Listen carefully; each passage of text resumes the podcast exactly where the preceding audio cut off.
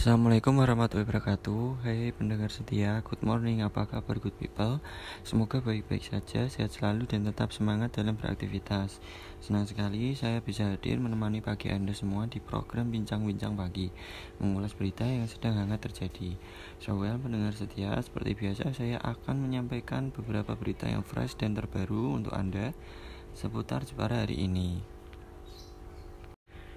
Berita yang pertama yaitu SMA Negeri 1 Pecangaan kini sudah mulai mengadakan sekolah tatap muka kembali. Suasana di SMA Negeri Pecangaan ini mulai ramai kembali aktivitas belajar mengajar. Terlihat para siswa berangkat sekolah dengan memakai masker dan menjaga protokol kesehatan.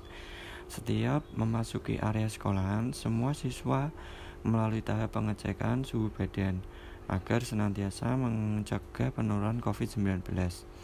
Sebelum memasuki kelas juga, para siswa selalu mencuci tangan agar selalu berada pada kondisi yang steril saat kegiatan belajar.